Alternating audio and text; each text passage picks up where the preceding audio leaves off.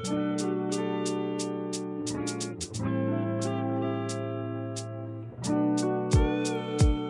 teman-teman, apa kabar semuanya? Ya, Indri di sini balik lagi nih, siap berbagi cerita dan tips buat kalian semuanya. Eits, tapi tunggu dulu, Indri kali ini nggak sendiri loh. Podcast kali ini bakal ditemenin sama cowok keren dari UPN nih. Ya, ada Abang Glenn. Yo, halo semua. Kenalin nama aku Glenn. Aku salah satu mahasiswa dari UPN. Temennya Indri juga. Oke, jadi Glenn lagi ngapain aja nih selama pandemi atau selama kita WFH?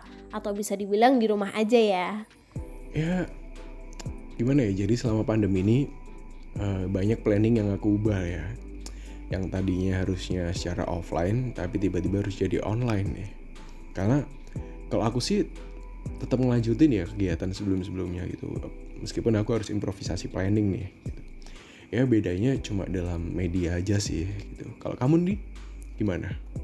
Iya, sama sih Glenn, karena adanya keterbatasan gerak kita di luar nih ya. Jadi mau tidak mau kita harus melakukan semua kegiatan dari rumah. Jadi bisa dibilang selama pandemi ini aku 100% berkegiatan di rumah aja. Nah, sama nih kayak kita, banyak banget teman-teman yang ngeluh karena kegiatannya harus di rumah aja atau WFH mungkin mereka ngerasa vibes-nya kurang gitu ya apalagi para organisatoris nih. Nah rata-rata teman-teman pada bingung terutama yang suka organisasi nih ya. Apa sih yang harus dilakuin di rumah gitu selain mungkin cuma rapat, kuliah, sekolah, itu-itu aja gitu mungkin. Biasanya sih ini ya anak-anak pada ngeluh karena bosen. Ya kan teman-teman nih pada ngeluh karena bosen sama sih aku juga bosen gitu kalau misalnya harus di depan laptop terus harus uh, dengerin orang terus tapi lewat media gitu itu yang aku rasain juga sih sama kayak teman-teman jadi kali ini kita bakal kasih tips nih gimana sih caranya biar tetap produktif dan kreatif di masa pandemi kayak sekarang ya nggak Dri? Yaps, bener banget nih Glenn. Langsung aja yuk kita ke tips yang pertama. Tips yang pertama, teman-teman harus banget mengetahui porsi kapasitas dan kemampuan diri kalian masing-masing. Jadi, ada dua tipe orang nih Glenn, menurut aku nih ya. Yang pertama tuh teman-teman yang suka kerja di lapangan. Dan yang kedua itu teman-teman yang suka kerja di balik layar. Nah, selama pandemi ini, kita kan lebih banyak WFH ya. Jadi buat teman-teman yang basicnya lebih lebih suka kerja di lapangan nih, ketika WFH jangan memaksakan diri untuk mengambil semua pekerjaan gitu. Karena itu juga akan berdampak pada hasil kerja kalian serta diri kalian masing-masing gitu. Pokoknya yang paling penting itu kenyamanan dari diri kalian masing-masing gitu. Uh, kalau kalian gak nyaman ya jangan diambil dan jangan memaksakan diri kalian bahwa kalian bisa gitu.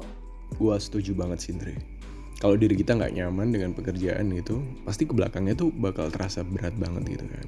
Dan endingnya hasilnya nggak memuaskan nggak sesuai apa yang ekspektasi kita gitu. Nah tips yang kedua nih. Pilih kegiatan yang kalian sukai. Ini penting banget deh karena di saat kamu kerja atau di saat kamu sedang organisasi terus kamu enjoy banget nih mood kamu oke okay, ya kan pikiran kamu oke okay, gitu itu pasti pekerjaannya bakal benar-benar bisa selesai loh. Itu juga ngaruh banget sih ke kinerja kita. Kita pasti bakal selalu antusias ngelakuin segala hal yang berkaitan dengan kegiatan kita. Itu sama kayak yang aku alami nih. Kalau aku biasanya uh, udah capek, udah nggak mood banget, aku tutup laptop. Tapi kalau kelas tetap kelas ya.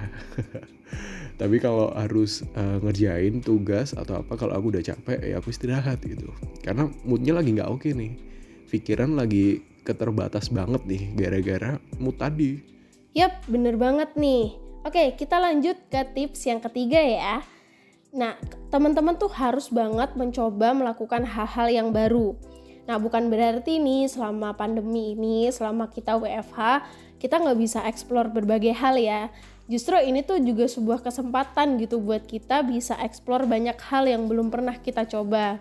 Contoh kecilnya nih, Misal buat kalian yang suka organisasi, biasanya kan kegiatannya full dengan organisasi kalian ya, kayak event-event, kayak gitu, kegiatan, dan lain sebagainya. Nah, selama pandemi ini, untuk event dan kegiatan hanya terbatas secara daring ya, dan nggak semua bisa terlaksana secara luring juga gitu. Nah dari ini kesempatan ini kalian juga bisa nih coba kegiatan baru, misalnya tuh kayak volunteer, terus lomba, terus coba-coba hal-hal lain seperti bikin podcast, menulis, editing dan lain sebagainya gitu. Ini tuh salah satu kesempatan yang besar gitu buat kita bisa menggali potensi diri kita yang lain. Gua setuju lagi sama kamu. nah, Indri nih guys ya, salah satu uh, orang yang melakukan tips tadi loh teman-teman. Coba dong ceritain sedikit Indri, gimana sih pengalaman belajar banyak hal di masa pandemi kayak gini? Apa aja potensi yang udah kamu gali atau temuin di masa pandemi ini? Pasti banyak dong. Nah iya bener banget nih Glenn. Iya jadi aku tuh emang basicnya orang yang suka kerja di lapangan ya jadi selama luring itu aku lebih banyak kegiatan di organisasi, kegiatan event dan di luar gitu ya. Nah pas waktu pandemi kayak gini nih kita kan daring ya, semua kegiatan tuh dilakukan WFH. Awal-awal emang susah banget untuk menyesuaikan keadaan seperti itu. Tapi lama-lama enjoy juga sih karena banyak hal yang bisa kita kita bisa lakukan di rumah sambil berkegiatan via gawai gitu. Nah pas pertengahan tuh aku kayak ngerasa bosan juga karena kita kan masih belum bisa keluar rumah buat kegiatan kayak biasanya gitu ya. Nah, berawal dari lihat di feed Instagram nih terkait dengan pengumuman volunteer, internship, lomba-lomba kayak gitu, aku tuh tergugah rasanya untuk ikut hal-hal baru kayak gitu. Karena jujur ini juga pertama kali aku nyoba hal-hal kayak gitu.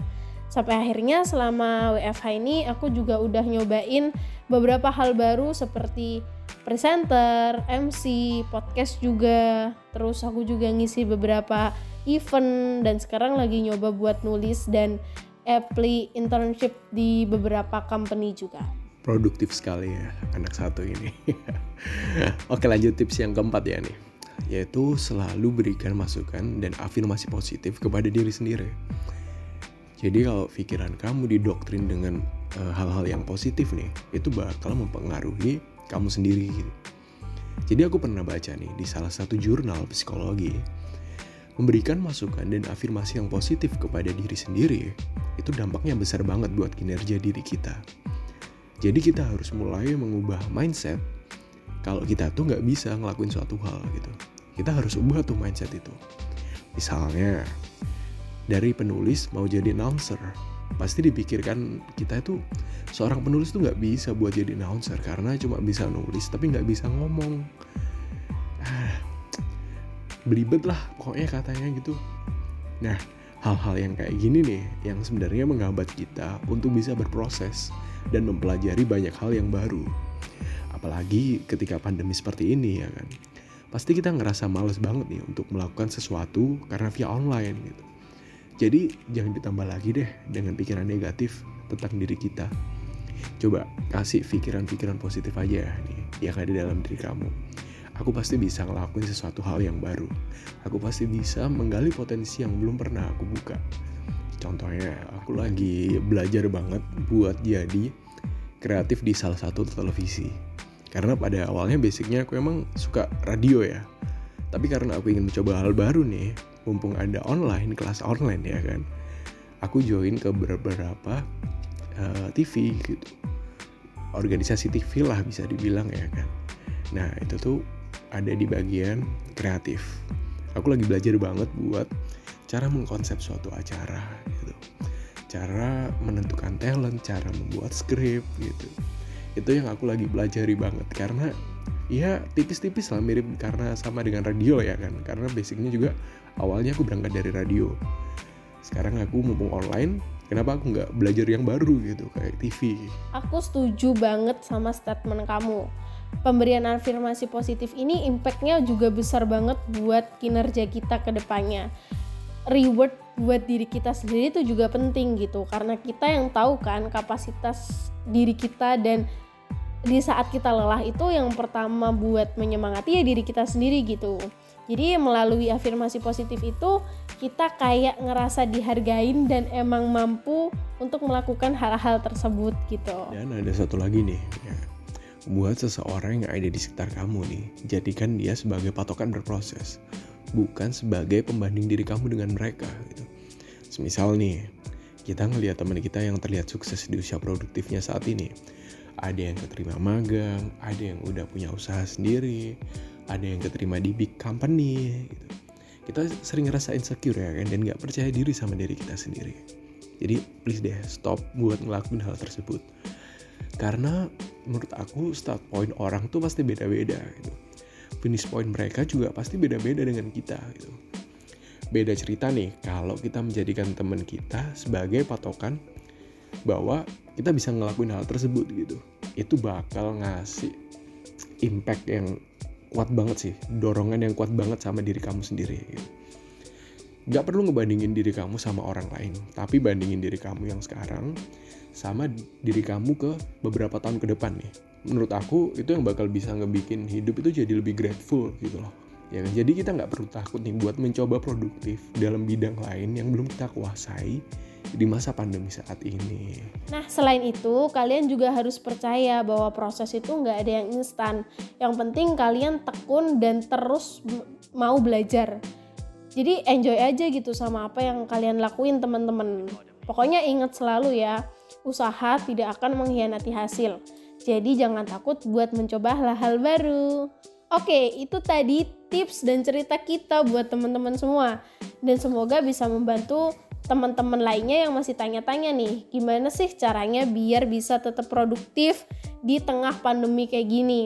Dan semoga pandemi ini bisa cepat berlalu ya, biar kita bisa melakukan banyak hal di luar rumah lagi.